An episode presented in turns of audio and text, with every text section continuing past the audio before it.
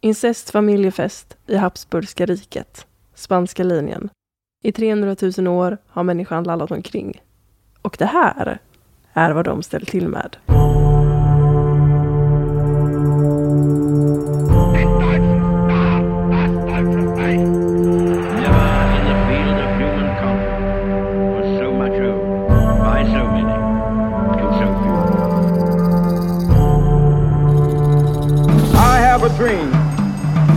Dallas, Texas, the flash, apparently official, President Kennedy died at 1 p.m. Central Standard Time. It's one small step for man, one giant leap for mankind. Statsminister Olof Palme är död. På eftermiddag, World Trade Center i New York brinner. Nu blir det historia med Dan Hörning och Cornelia Boberg. Och med det välkomnar vi er till dagens avsnitt. Vi vill även utfärda en varning. Och det är att vi i slutet av det här avsnittet kommer att prata om Game of Thrones. Så eh, spoilers för Game of Thrones i slutet av avsnittet. Yes. Om ni inte har sett Game of Thrones på HBO så gör det, men sluta titta efter avsnitt två i säsong 8. Eller titta och må dåligt. Det, det är upp till er. Ni kommer aldrig mer känna glädje. Ungefär som ett barn för långt ner i den Habsburgska linjen. Mm, de, de kommer aldrig må bra. Men så, och med det börjar vi dagens avsnitt. Vi ska ju prata om monarkier, eller specifikt en monarki. Och då kan man ju tänka att väldigt många människor i sina respektive länder ibland blickar upp med stolthet mot sin glänsande monarki. Antingen till en enda monark som på sitt vis lämnat ett speciellt avtryck för just det landets historia. Eller en hel släkt som sträcker sig i generationer. Det kan ju spiras med patriotism, förundran och nationalism. Och för de här monarkernas egen del så kände de kanske samma sak. Att de var väldigt stolta över att de själva lyckats födas in i rätt släkt. Och hade man en sån här asball släkt som har sträckt sig i flera generationer, då kände de ju förmodligen att det var väldigt viktigt att behålla sitt eget blod inom familjen. För att man kan ju inte hålla på och blanda. Vilket då resulterade i att de vid flera tillfällen giftes bort med sina egna kusiner inom kungahuset. Och det här blir ju då problem. Men även fast monarkernas rädsla att beblanda sig med vanligt folk har minskat med åren så lever det ju ändå på vissa håll och kanter kvar än idag. Och på andra håll inte alls. Englands förra drottning Elisabeth II gifte sig med sin brylling, prins Philip. Medan vår kronprinsessa Victoria gifte sig med sin PT. Vilket är ju sunt ur genetisk synpunkt eftersom hon inte hade minsta släktskap med sin PT. För att risk, den genetiska risken ökar ju kraftigt ju närmare släkt man är. Och det är därför vi idag eh, i lagen säger att man inte får ha ihop det med syskon eller föräldrar. Halvsyskon får du, du får pippa med dina halvsyskon. Ja, och det är ju för att risken reduceras till hälften med halvsyskon, men det är ju fortfarande inte bra. Det finns ju en genetisk risk där. Så om det är någonting ni ska ta med er från de här avsnitten, det är att ett, Titta inte efter säsong 8 avsnitt 2 i Game of Thrones och pippa inte er släkting. Nej, och definitivt inte samtidigt. Nej, verkligen inte. Men just det här konceptet incest familjefest var ju någonting som Habsburgarna gladeligen ägnade sig åt. De tyckte att det var jättekul. Men vilka var då Habsburgarna? Ja, de regerade Spanien från 1506 till år 1700. Kusiner gifte sig med kusiner, farbröder gifte sig med systerdöttrar, mer frekvent än ett pingisspel. De frågorna vi ska behandla idag är hur går det egentligen till när en släkt blir så pass inavlad att det till slut inte finns någonting kvar att avla på? Och idag ska vi fokusera på den spanska grenen av Habsburg. Och det finns förstås en massa andra Habsburgare än den spanska grenen. Men idag håller vi oss till dem.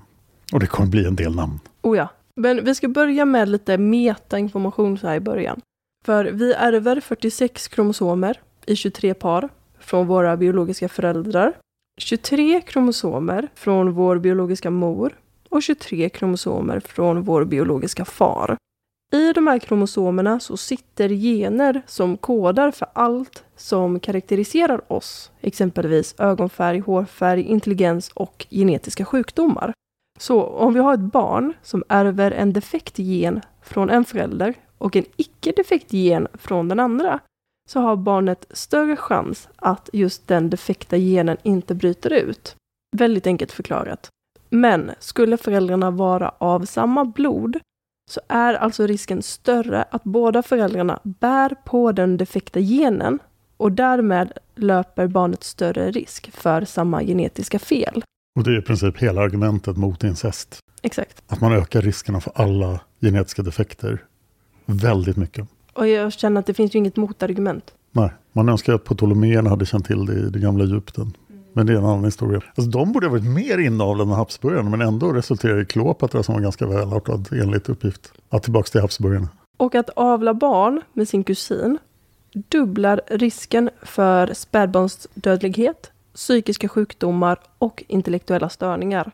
Och ju närmare släkt två föräldrar är, samt hur pass inavlade hela släkten redan är, desto mer bristande egenskaper kommer avkomman att lida utav.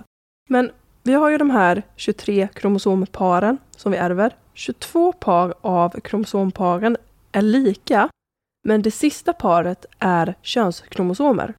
Biologiska män har en X och en Y-kromosom, medan biologiska kvinnor har två X-kromosomer. Har Y-kromosomen i en biologisk man ett genfel så finns det ingen annan Y-kromosom som kan ersätta den.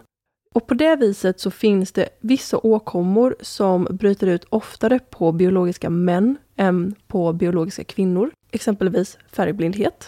Men trots bristen på genetiska kunskaper som vi har idag var många i historien medvetna om problem med incest. De förstod bara inte den bakomliggande orsaken, som alltså var det som vi precis rabblade. Och man ser ju till exempel tidiga kyrkolager som förbjuder äktenskap där man är sex led ifrån varandra. Så alltså fifth cousins, vad det nu heter på svenska. Och det är ganska hårt. Då var det svårt att hitta folk giftas med ens, för alla var ju släkt i små byar.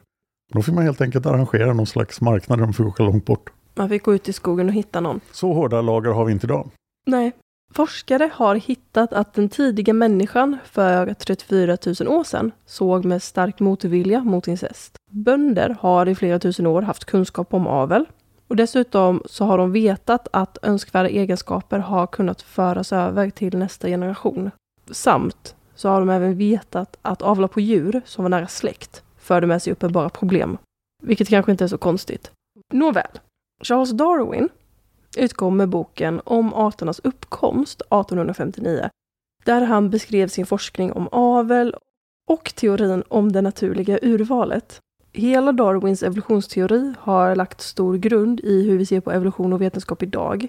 Men trots sina framgångsrika forskningar så gifte sig Charles Darwin med sin kusin. De fick tio barn, varav tre dog innan de fyllt tio år. Lev som du lär var ordspråket. Men åter till det Habsburgska riket, som det här avsnittet ska handla om.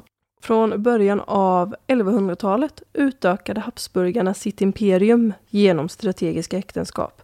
Deras territorium sträckte sig från Schweiz till Österrike, Ungern, Italien, Frankrike och Spanien.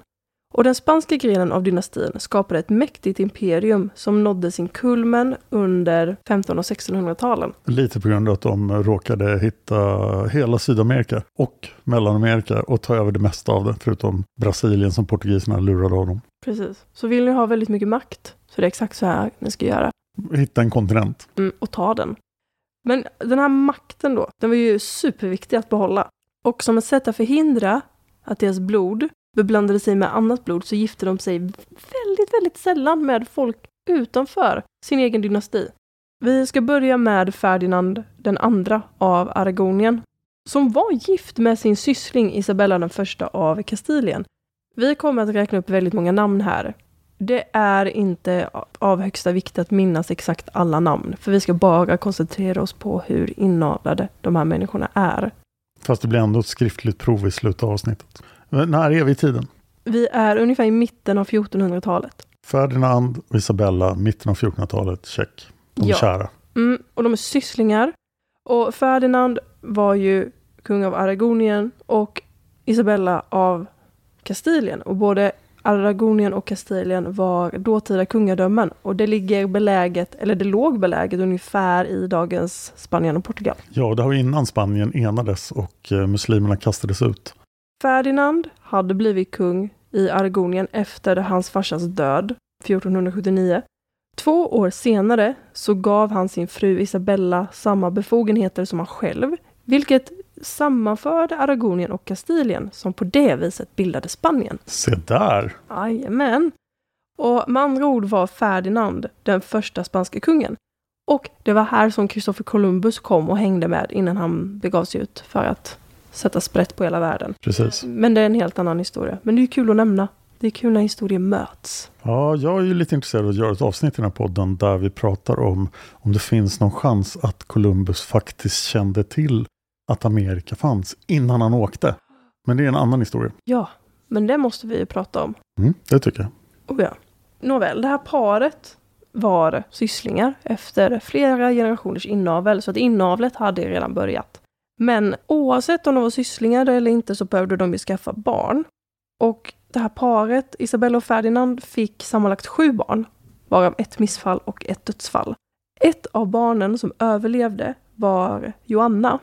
Hon föddes den 6 november 1479.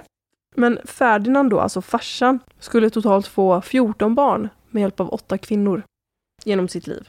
Och en av dem var då Joanna. Joanna blev ofta straffad med tortyr från sin morsa Isabella eftersom att Joanna motsatt sig den katolska kyrkan.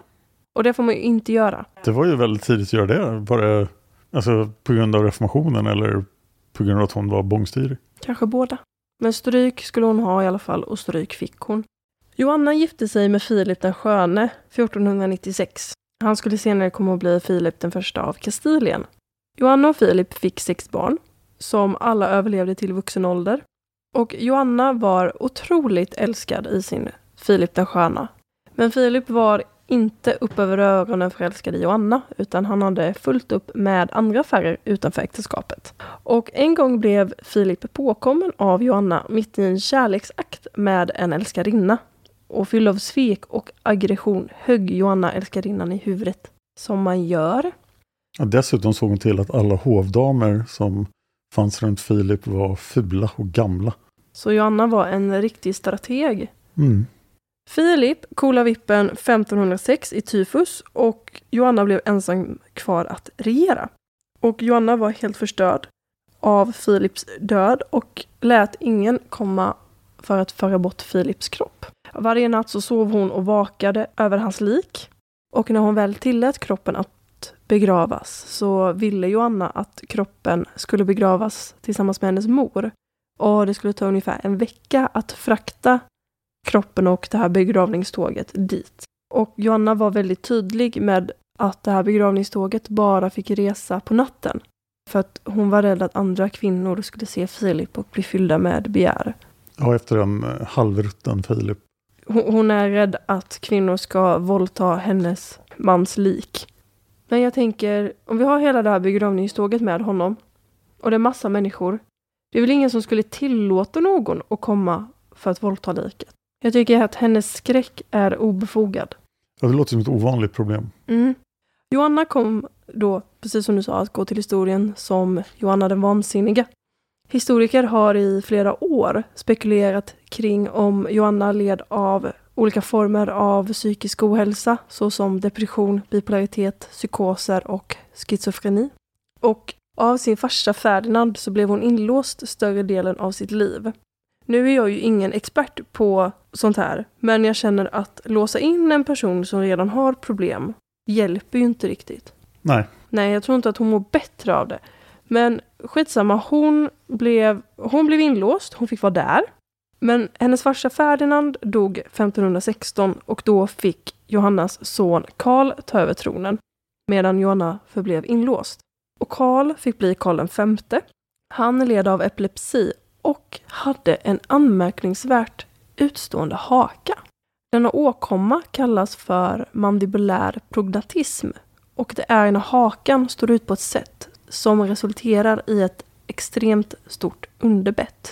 Överdelen och underdelen av tänderna sitter för långt ifrån varandra vilket kan resultera i problem med att äta och prata. Och det här är den berömda Habsburgska hakan. Precis, det var exakt det jag skulle säga. Och det här drabbar alltså då Karl V, även känd som Karl I, eftersom han råkar ärva mer makt än någon annan i hela världen.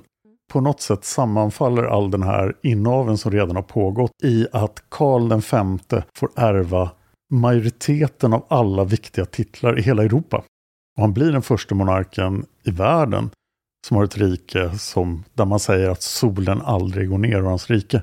Han kontrollerar ju nästan hela Sydamerika, stora delar av Mellanamerika, Spanien och det tysk-romerska riket och Nederländerna och en massa andra ställen. Så att skenet kan ju verkligen bedra. Han kanske kontrollerar större delen av världen, men han kan inte stänga sin mun. Han verkar ju ha varit någorlunda kompetent i alla fall, men han kan ju inte se så klok ut. När Karl var 21 så förlovade han sig med sin sexåriga kusin Maria av England. Karl avbröt förlovningen eftersom att han inte ville vänta ett decennium på att starta en familj. Så Karl tackade för sig och vände blicken till en annan kusin, Isabella av Portugal. Men egentligen så var äktenskapet arrangerat av deras mor och farföräldrar. Så ett arrangerat äktenskap med kusinen. Karl och Isabella kommer att få sju barn, men bara tre av dem kommer överleva till vuxen ålder. Karl den femte dör 58 år gammal 1558 och delen av de här ägorna som tillhörde Spanien gick över till hans son Filip som blev Filip den andra. Precis, så Karl Vs enorma makt ärvs inte till en person utan till flera. Precis. Vilket ju kanske var tur, för tänk om Karl II hade härskat över så mycket som Karl V gjorde. Det hade inte blivit bra. Det hade verkligen inte blivit bra. Filip den andra, som då var kung över Spanien, han ärvde även Portugal genom sin mor, alltså Isabella. Filip satte Spanien på kartan och koloniserade väldigt stora delar av världen. Det var även han som skickade den spanska armadan mot England som drottning Elisabeth den första krossade. Vilket betyder, jag vet ju inte när vi kommer släppa det här, men det betyder att här vi är nu i historien så härjar Grace O'Malley runt på den irländska kusten. Det gör hon. Ja. För hon lever och verkar samtidigt som den spanska armadan. Och när man pratar om Filip II så måste man ju nämna det berömda sjöslaget vid Lepanto 1571. När han besegrar turkarna. Men inte bara spöade han på turkar, utan han gifte sig med sin kusin Maria, som han delade alla fyra mor och farföräldrar med. Men Maria dog 17 år gammal i barnsäng när hon födde parets första och enda barn, Karl. Men vänta nu, alltså de delade alla fyra mor och farföräldrarna? Jajamän. Vad komplicerat. Det måste vara jättekomplicerat. Oj. Och jag tänker även förr när man alltid titulerade folk när man skulle prata med dem. Så här, åh fru Helga. Och så bara, åh kusin, fru, mamma Helga. Det blir ju jättekomplicerat. Ja, det blir väldigt konstigt om din farmor också samtidigt är din mormor. Att det här är komplicerat. Karl led av väldigt svåra hälsoproblem och var psykiskt instabil och väldigt, väldigt våldsam. Till den grad att Filip den andra fick låsa in honom och Karl dog vid 23 års ålder, fortfarande inlåst. Det som jag tänker är att hur våldsam man måste vara för att en 1500-talsperson ska tycka att det är lite för mycket. Ja, det måste krävas en del. Ja, då måste man ju vara mer våldsam över det vanliga. Ja, sen kan man ju vara kristet våldsam och vara elak mot sina fiender och så vidare. Men den här killen verkar ha varit våldsam mot alla. Mm. När farsan bara, nej men det finns ingen hjälp. Han, att, han skickade ju inte ens iväg honom. Han hade ju kunnat skicka iväg honom ut till armén eller vad som helst. Men valde att till och med låsa in honom. Tänker typ att han skulle vara så här Ramsey Bolton. Det är ju någon man kanske inte hade skickat till armén utan som man kanske hellre hade låst in. Men Filip lät sig inte stoppas utan istället så gifte han sig med sin kusin Maria av England, som tidigare nämnt i avsnittet var trolovad med Philips farsa Karl. När Karl var sugen på henne, då var hon ju sex år gammal och så kände Karl, nej, du är för liten. Mm, men nu fick hon äntligen gifta sig. Ja, äntligen. Men lyckan skulle inte vara så länge för att hon skulle dö vid 42 års ålder i livmoderhalscancer. Men Filip fick fortsätta sitt erövringståg längs med hans släkt och gifte sig med sin syssling Elisabeth. Nu har han ändå sansat sig lite och gift sig ett led längre bort. Han kanske fick så här bad vibes av att gifta sig med kusinen så han tänkte okej okay, men då, vi kör på syssling och ser ifall det blir bättre. Och paret fick två döttrar innan Elisabeth själv dog i barnsäng.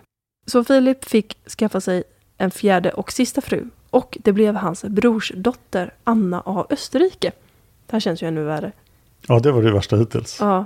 Det, det är hans sista S i rockar, men bara fan, inget annat har fungerat. Jag tar min brorsdotter istället. Paret fick fem barn, men bara ett av dem överlevde barndomen.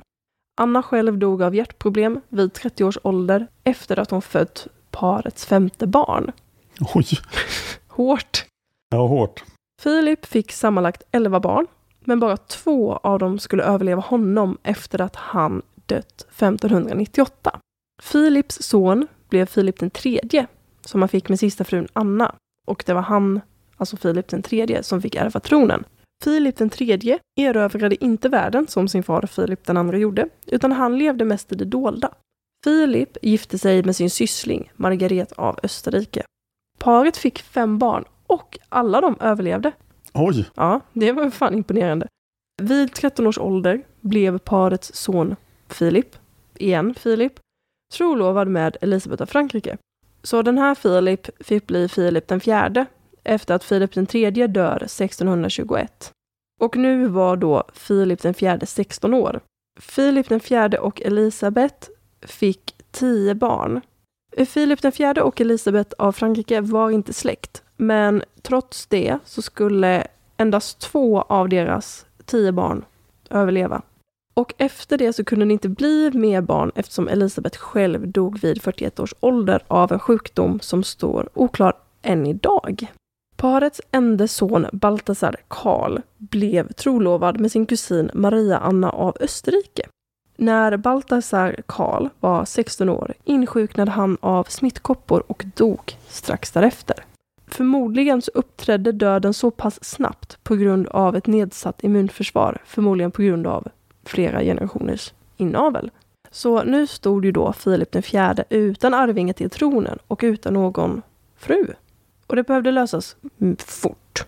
Så att varför inte ta då Maria Anna av Österrike som Balthasar Karl redan var trolovad med? Och det var det som hände. Så 44 år gammal trolovade Filip den fjärde sig med sin systerdotter Maria Anna av Österrike. Hon var då 14 år gammal.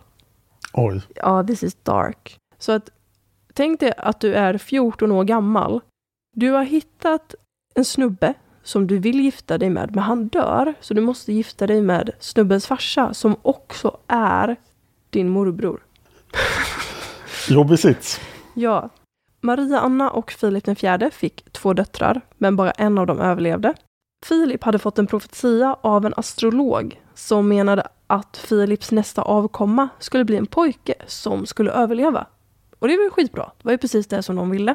Av ren desperation och paranoia förmodligen, så åt Filip bara ägg i förhoppning att profetian skulle slå in. Som ett bönesvar på Filips äggätande så födde hans systerdotter honom en liten pojke. Så man äter bara ägg från manliga barn. Mm. I Sims 3, om du har en gravid sim och du vill att hon ska få en dotter så ska du äta tre meloner och vill du att hon ska få en son så ska hon äta tre äpplen. Det är ju fullständigt logiskt, men ingenting om ägg alltså. Nej, men det kanske är hämtat härifrån. Det... Pojken fick också namnet Filip och han var förföljd av sjukdomar.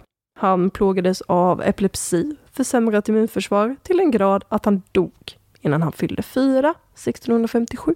Nej, Jo, tyvärr. men hur ska det gå med riket? Mhm. Paret då, morbrorn och systerdottern, de var ju alldeles förkrossade i sorg och de kunde inte förstå varför det här hände dem.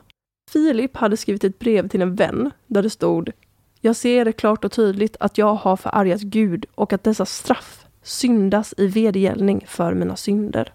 Ja, det borde ju vara incesten som är synden, men han tänkte säkert på något annat.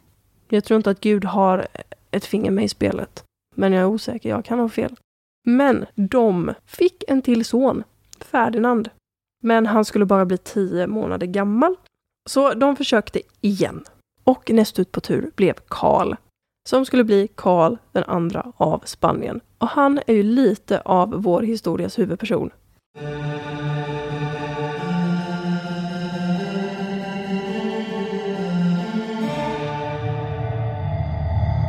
här är inavels poster child. All den här inaveln har lett fram till Karl den andra. Karl den andras genfel är meter långa. Googla en bild av Karl den andra av Spanien nu så förstår ni vad vi menar. Och det här är alltså då en av de mäktigaste makthavarna i världen när han väl blir kung, men det är han inte än. Och han har problem. Han har allvarliga problem med nästan allting. De första av Karls problem som vi ska prata om är hans könsorgan. För att hans könsorgan gjorde det oklart om han var en biologisk pojke eller en biologisk flicka. En fransk ambassadör ville undersöka honom och det fick han, men inte könsorganen. Ambassadören hade sagt citat att barnet är extremt svagt. Han har herpesliknande utslag på båda kinderna. Huvudet är täckt av sårskorpor och han har någon slags öppning under högra örat. Jag undrar vad det är för öppning. Ett praktiskt förvaringsutrymme. Ja. Hans föräldrar försökte dölja hans åkommor med hjälp av någon huva eller krage. Han bara dölj så mycket som möjligt av Karl. Han ärvde tronen när han var tre år gammal, när hans farsa Filip den fjärde dör 1665. Och här ärver alltså Karl följande titlar.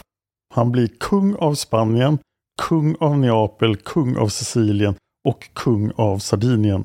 Tre år gammal och, eh, Ett hål under högra örat. och en extrem habsburgsk haka. Kanske den värsta av alla habsburgska hakor. Oh ja. Och även när han ärver allt det här så kunde han inte ens gå. Han lärde sig gå när han var fyra. Alltså året efter. Så att han kan styra ett helt jävla rike, men han kan fan inte gå. Han får ju som tur var inte styra riket här utan har ju faktiskt mamma kvar. Mamma Mariana får eh, hjälpa till att styra riket som någon slags guvernörsregent. Men det kommer ju inte pågå så länge för han är ju en man och en man måste styra Spanien. Men fram tills dess så åt han ingen mat. Eller jo, det kanske han gjorde. Men fram tills han var fem så åt han bara bröstmjölk från 14 olika ammor. Han påminner ju väldigt mycket om Robin Arryn i Game of Thrones. Det är han som är typ 11 och suger på sin morsas tutte. Men inte bara detta, så lider han också av mässling, vattkoppor, röda hund, smittkoppor och flera återkommande tand och broskinfektioner. Och nu kommer vi till hans haka. Hans tunga var så stor och hans haka så pass deformerad att han inte lärde sig prata förrän han var åtta år. Och då är han alltså redan kung av Spanien. Oh ja. Han kunde inte heller tugga sin mat korrekt. Oftast så svalde han maten hel för att sedan spy upp den helt enkelt igen. Han led också av flera epileptiska anfall. Alltså, Karls läkare var förundrad att pojken ens överlevde. Det är vi också i och för sig. Ja, Han kan inte ens äta, han kunde inte gå förrän han var fyra. Hans lärare kämpade med att lära honom läsa och skriva. Men egentligen så var Karl istället benägen att falla i aggressiva vredesutbrott. Men man tänkte ändå att man kunde försöka bota alla hans åkommor, så man gav honom flera olika drycker. Men han fick även genomgå exorcism. Flera präster fick resa land och rike runt för att be för Karl i hopp om bönesvar. En av prästerna hävdade även att han pratat med en demon som lurade omkring i slottets väggar. Och demonen skröt om hur han hade tvingat Karl att dricka en dryck gjord på en dödmans hjärna utblandad med choklad. va? Ja. Man förde även reliker till Karl från helgonförklarade personer som han då skulle sova bredvid. Och man drog även ut tänder från de här skallarna som man la under Karls kudde som han skulle sova med. Deras mål, eller vad man ska säga, var att den här, de här heliga föremålen skulle driva ut demonen ur Karls kropp. Karl fick även ha sin farsas, Filip den fjärdes, ben i sitt sovrum. Och faktiskt, tro det eller ej, så funkar inte det här. Nej, Karl fick nu titeln Karl den förhäxade. Men eh, det var förmodligen för att eh, de styrande hindrade honom från att bli kallad Karl den väldigt inavlade. Vid 1675, när Karl är 14, då kan hans mamma inte längre styra Spanien för då kräver lagen att han ska ta över. Men det är ganska uppenbart för alla i Spanien att det här inte kommer att fungera. No Så shit. Mariana bara fortsätter styra Spanien ändå. Och alla bara andas ut en lättnadens suck. Okej, vi lyssnar på dig. Eh, vad, vad säger Karl nu? Och hon bara, han säger så här. Okej, bra. Och Karl bara... Ja, lite grann så. Mm, och morsan bara, ja men han sa att eh, vi ska investera i sjukvård. Och alla bara, "Åh, bra. Men nu måste ju Karl gifta sig. Ja, han ska gifta sig och han trolovades med Maria Louise. Och Maria Louise var ju inte lika pepp på det här som Karl var. För hon tyckte ju att Karl var otroligt motbjudande och hon klarade knappt av att se på honom. Och det här är ingen inavel, eller hur? Hon är en fransk prinsessa i princip. Precis. Alltså man kan ju tänka att då här nu, det är 1600-tal. Sexualkunskapen är inte så spirande, den är inte så utbredd. Man vet väl typ hur sex går till om man inte haft sex. Men Marie-Louise visste att efter att hon tillbringat någon natt med Karl så visste hon att hon inte var oskuld, men hon visste att det som de gjorde där inne inte skulle leda till några barn. Han dreglade på mig, han kräktes på mig, han sa konstiga saker. Så han kunde inte gå, Det blev inga barn av det. Nej, det blir det inte. Och med största sannolikhet så var ju Karl impotent. Men man behövde ju barn ändå. Eftersom att Maria-Louise var kvinna så var allt hennes fel. Så att hon blev tvingad av hovläkare att dricka fertilitetsdrycker. Drycker som med största sannolikhet orsakade blindtarmsinflammation som resulterade i att hon dog 26 år gammal. Marie-Louise eh, sista ord ska enligt legenden ha varit till Karl. Citat. Ers Majestät kommer kanske att få andra hustrur, men ingen kommer att älska er som jag. Slutcitat. Det här är förmodligen Habsburgs propaganda på hög nivå. Oh ja. Nu behöver han en ny fru. Karl har en död fru, han behöver fortfarande en tronarvinge. Ingen mening att hänga läpp än. Och han fick en ny fru vid namn Maria Anna. Och enligt rykten så var hon otroligt fertil. Så sprakade förhoppningarna i det spanska hovet. Lade sån otrolig jävla press på Maria Anna att hon skulle prestera. Till den grad att hon vid flera tillfällen faktiskt trodde att hon var gravid. Och när inget barn föddes så tvingade hon Karl att genomgå mer exorcismer. Men någonstans här så hann alla Karls genetiska åkommor ikapp honom och han dog 38 år gammal år 1700. Läkare obducerade kroppen och hävdade att Karl inte hade en enda droppe blod i sin kropp. Att hjärtat var i storlek av ett pepparkorn. Att hans lungor var korroderade och att hans tarmar var ruttna. Han hade en svart testikel och hans huvud var fyllt av vatten. Alltså jag undrar hur sant det här är. Ja, det låter ju inte som att den här obduktionsrapporten är särskilt korrekt. Men vid det här laget är väl folk så trötta på Karl den andra att Ingen bryr sig. nej, att det här, det här låter fullständigt rimligt. Men Karl var den sista levande mannen i det manliga släktledet i det spanska Habsburg. Och Karl fick ingen arvinge. Så det blev ju lite kaos här nu då.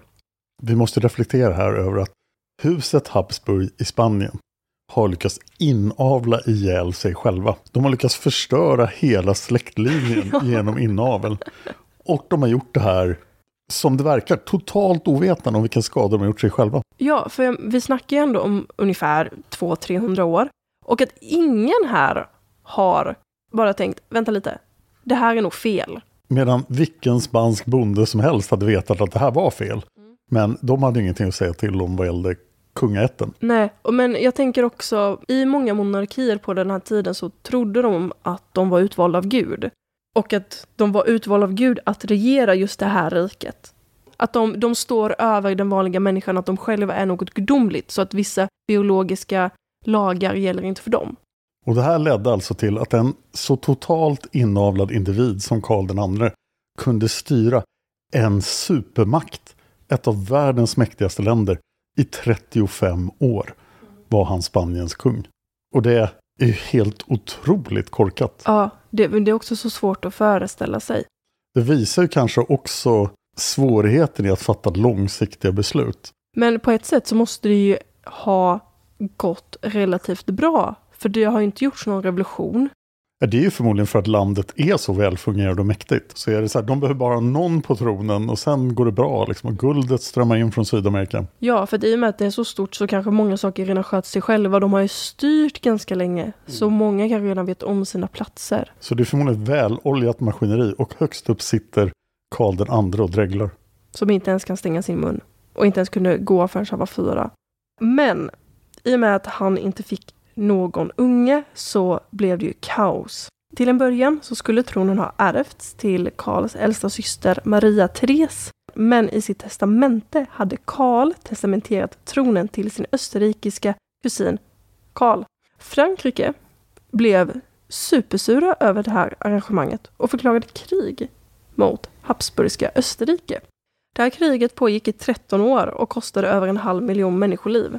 Det här kriget vann Frankrike och Maria Therese sonson blev kung Filip den femte. Men historiker har länge spekulerat i Karls olika åkommor. Han hade förmodligen endoktrina sjukdomar, vilket innefattar sjukdomar som påverkar kroppens hormonproducerade körtlar. Bland annat akromegali, som leder till en onormal kroppslig tillväxt orsakad av hög insöndring av tillväxthormon i blodet. Vilket leder till förstorade händer, fötter, näsa, haka och panna. Utöver detta så kan det även leda till ledvärk, tjock hud, djup röst, huvudvärk och synproblem. Charles kan även ha haft renal tubulär acidos, vilket innebär att njurarna misslyckas att utsöndra viktiga syror som resulterar i njurproblem och ett svagt skelett. Och ett försvagat skelett kan leda till missformade ben, värk, förstorad panna, böjd rygg, återkommande frakturer och muskelspasmer. Dessutom kan Karl ha lidit av hydrocephalus, som är ett tillstånd med ökad vätska i huvudet som orsakar ett förstorat huvud, huvudvärk, synproblem, balansproblem, personlighetsförändringar, psykisk funktionsnedsättning och epileptiska anfall. Dessutom kan det även leda till en defekt på Y-kromosomen, vilket bryter ut på män eftersom att de inte har någon annan Y-kromosom. Symptom för detta är intellektuella störningar, en genomsnittlig IQ på under 55, ett avlångt och smalt ansikte, stora öron, hyperaktivitet och epileptiska anfall. Karl kan också ha haft Klinefelters syndrom, vilket innebär att personen har en extra uppsättning av X-kromosomer, vilket resulterar i infertilitet samt små och försämrade testiklar.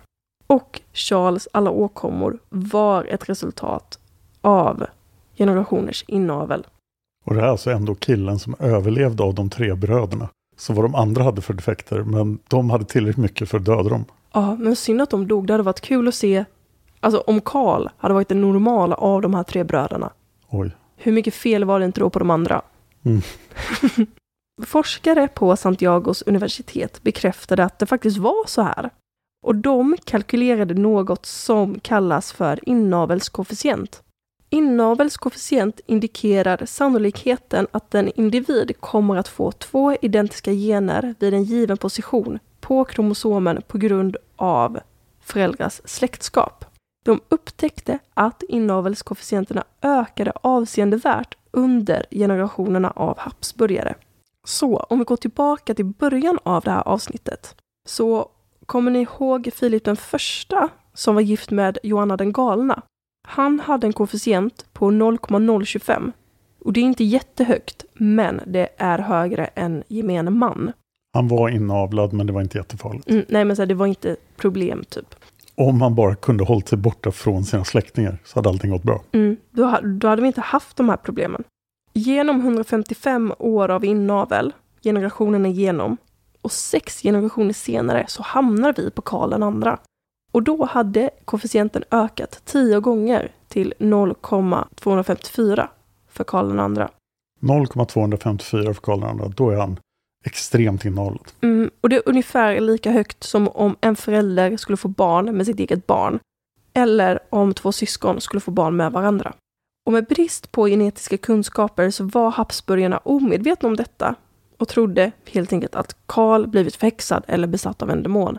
Och förutom att beräkna inavelskoefficienten så bad forskarna mun och käkkirurger att bedöma hur många avvikande ansiktsdrag monarkerna hade som var typiska för mandibulär prognatism, alltså den habsburgska hakan.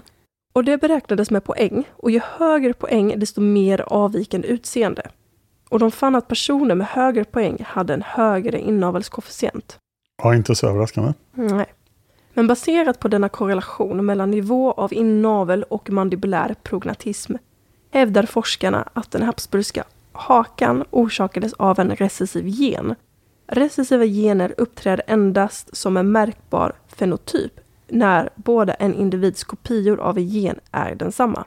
Alltså, de dubbla generna som överförs genom inavel gör att en recessiv egenskap statistiskt sett mer sannolikt bryter ut. Och förr trodde forskarna att det var en dominant gen som orsakade den habsburgska hakan. Men däremot så erkänner forskarna att de inte kan bortse från att det skulle vara en dominant gen. Men möjligheten är mindre sannolik. Det är ju förmodligen en recessiv gen. Och det innebär ju att så fort någon inte får barn med en släkting utan någon annan så är det lugnt. Havsburgarnas avvikande utseende var inte den enda negativa bieffekten av deras inavel. Samma forskare fann att inavlet minskade avkommans chans att överleva med 18 procent. Det är ganska mycket. Ja, det är ganska mycket. Det är inte jättelätt att överleva överhuvudtaget på 1500 och 1600-talet. Nej, och här gav man inte ens dem ett värdigt försök. Och eh, de hade ju liksom hela det här stora imperiet, men för varje generation så tycktes makten rinna ut ur händerna på dem innan. De märkte ju ingenting förrän det var för sent. Och det var ju det som blev slutet för hela dynastin. Ben, Är det nu vi ska prata om Game of nu Thrones? ska vi prata Game of Thrones. Där ju då folk är ganska inavlade. Folk är så jävla inavlade här. Men har ni inte sett Game of Thrones så skulle vi rekommendera att sjukskriva er från skola och jobb och bara sitta hemma i ungefär tre dygn och titta igenom Game of Thrones. Och sen sluta på avsnitt två i säsong åtta. Mm. När Jenny of Oldstones hörs i eftertexterna, då slutar ni. Och så får ni leva i någon slags egen föreställning om vad som kommer hända. Precis. Men en central plott till exempel är ju eh, två tvillingar som har tre barn ihop. Och det förvirrade mig jättemycket första gången jag tittade. Man introduceras till så många karaktärer och sitter man där och bara okej, men de två är tvillingar, bra. Då försöker jag liksom hålla koll på att de är tvillingar och sen bara varför har de sex? så bara vänta lite, var de inte tvillingar nyss? Jo, de är tvillingar. De har sex, de har tre barn ihop. Tommen, Marcella och Joffrey. Ingenting speciellt att hänga i granen, men Joffrey är ju väldigt speciell. Han faller i olika vredesutbrott. Han har problem. Men de här tre har ju samma inavelskoefficient som Karl II av Spanien. Exakt. Och de verkar ändå mer välfungerande än vad han är. Jag tror att en av George R. R. Martins poänger är att Joffrey är inavlad. Det är därför han är så elak. Ja, och det märks. Alltså det märks ju att han är störd. Eller att det är något fel på honom. Men Joffrey då i all sin ära är ju inte lika inavlad som några andra figurer i Game of Thrones. Som alltså är ännu mer inavlade än Karl II av Spanien. Och jag tänker att vi går över till Gilly och hennes systrar. Just det, det är ju superkomplicerat. Ja, för de blir utsatta av upprepade våldtäkter av sin far, Craster, för att avla anhängare till The Night King. Och Gilly får ju en son med sin farsa, Sam. Ja, då uppstår ju frågan, vem är Gillys mamma? Och i böckerna antyds det lite grann att det är en av kvinnorna som fortfarande är i livet där. Och att hon då i sin tur också skulle kunna vara Crasters dotter. Så att Craster har alltså fått en dotter med sin dotter som han har fått en son med. Mm, precis. Och då pratar vi väsentligt mer inavel än Karl II. Men Sam verkar ju inte vara så inavlad än, vad man har fått se. Nej, han verkar inte inavlad alls. Nej. Och inte Gilly heller för den delen. Hon är bara lite traumatiserad av sin uppväxt med sin våldtäktspappa. Men vi har ju även Jon Snow som ligger med sin faster Daenerys innan, Ja. innan han vet att det är hans faster. Sen slutar han. Så vi kan ju spara honom den anklagelsen. Det Mm. var ju ändå en familjetradition i Targaryen-familjen att ligga med sina släktingar. Ja, men han visste ju inte att han var en Targaryen. Nej, Han visste det sen och då slutade han. Men Daenerys i sin tur är så jävla inavlad. och det här är ju den mest inavlade karaktären i hela Game of Thrones. Daenerys Stormborn, Targaryen, Queen of the Andals and the First Man, Breaker of Chains och så vidare, är alltså väsentligt mer inavlad än Karl II av Spanien. Precis. Och alltså Game of Thrones-fans är just dedikerade. Och det är ju någon som har räknat ut hennes inavelskoefficient. Och det ligger på 0,35. Det är alltså 0,10 högre än Karl II av Spanien. Men det här märker man ingenting av i tv-serien egentligen. Förutom att hon är galen i slutet. Ja, och hennes pappa är den galne kungen. Han var ju galen. Och han blev ju galen just då inavel. Mm. Och han hade ju då ihop det med sin syster. Som var då Daenerys mamma. Hon har en väldigt tillbakadragen roll i tv-serien. Men i sin tur var då deras föräldrar också syskon. Och det är det som gör inavelskoefficienten så hög. Och det var en plan från Targaryen. Det var någon som hade drömt att det var rätt. Att det skulle föda fram då de här viktiga personerna som behövdes. Precis. För Rhaegar och Daenerys är ju lika inavlade. Ja, Daenerys eh, storebror Rhaegar. Som är Jon Snows farsa. Ja. Så att Jon Snow är ju redan inavlad, men vi vet ju inte hur inavlad Lena Stark är. Förmodligen inte alls. Nej, förmodligen inte alls. Och i och med att hon är helt utomstående från Targaryen-ätten så, så blir ju Johns gener mycket bättre. Precis. Så med det sagt, Daenerys Targaryen är mer inavlad än Karl den andra. Och då måste vi sluta oss till att Targaryen-ätten måste ha varit immun mot inavel i viss mening. Visst, några av dem blev galna, men andra blev sanddrömmare och, och de kunde styra drakar. De är ändå ganska välfungerande. Ja, för de har ändå kunnat få barn. Det har funkat. De har ju inte dött av sjukdomar, mer än att kanske när, som när eh, Daenerys bränner ner hela Kings Landing. Att det kanske inte var så bra. Det kanske var lite galet. Och sen har ju den här inaveln pågått i alla fall, vad vi vet, i 300 år. Eftersom Aegon Erövraren gifte sig med båda sina systrar. Så av den informationen, gör vad ni vill med det. Vi pratar nu vetenskap i en värld där vintrarna kan vara 30 år långa. Hur var det med den österrikiska grenen av Habsburg? Var de också galet innehållande? Det kanske vi måste ta reda på. Så vi kanske ska göra den österrikiska grenen också. Ja, och sen är jag ju väldigt intresserad av Ptoleméerna. Som ju hade 14 generationer där planen var att alla skulle gifta sig med sina syskon. Ja, vad Ja, verkligen. Och så blir det Kleopatra på slutet. Det är jättekonstigt. Hon är ju supervälfungerande jämfört med Karl Ja, II. men det är ju som i Game of Thrones, så att Cleopatra är Daenerys. Ja, och Ptoleméerna är Targaryens. Så är det.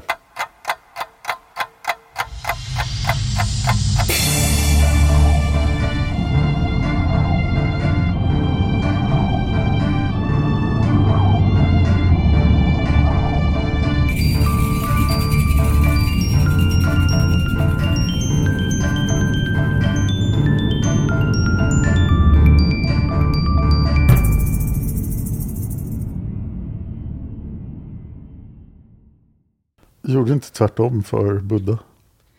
Då får, då får jag klippa det. Ja, För det ska vara avsnittet för, eh, namnet först, och sen ska det vara i Oj. 300 000 år. ja Och sen kommer introt, och sen börjar avsnittet. okej. Det här kan bli en blooper, det här blir jättekul. Vi har koll. Vi, vi vet exakt vad det är vi gör. Ehm, Jag är koll. ja, vi vill ju avråda från att pippa er brylling. Just brylling är väl ganska lugnt egentligen. Nu kanske det är fel att spekulera i vad som är normalt eller inte. Det är inte normalt att vara Karl den andre. Nej, det är det verkligen inte. Det här är sånt jag kommer klippa bort sen.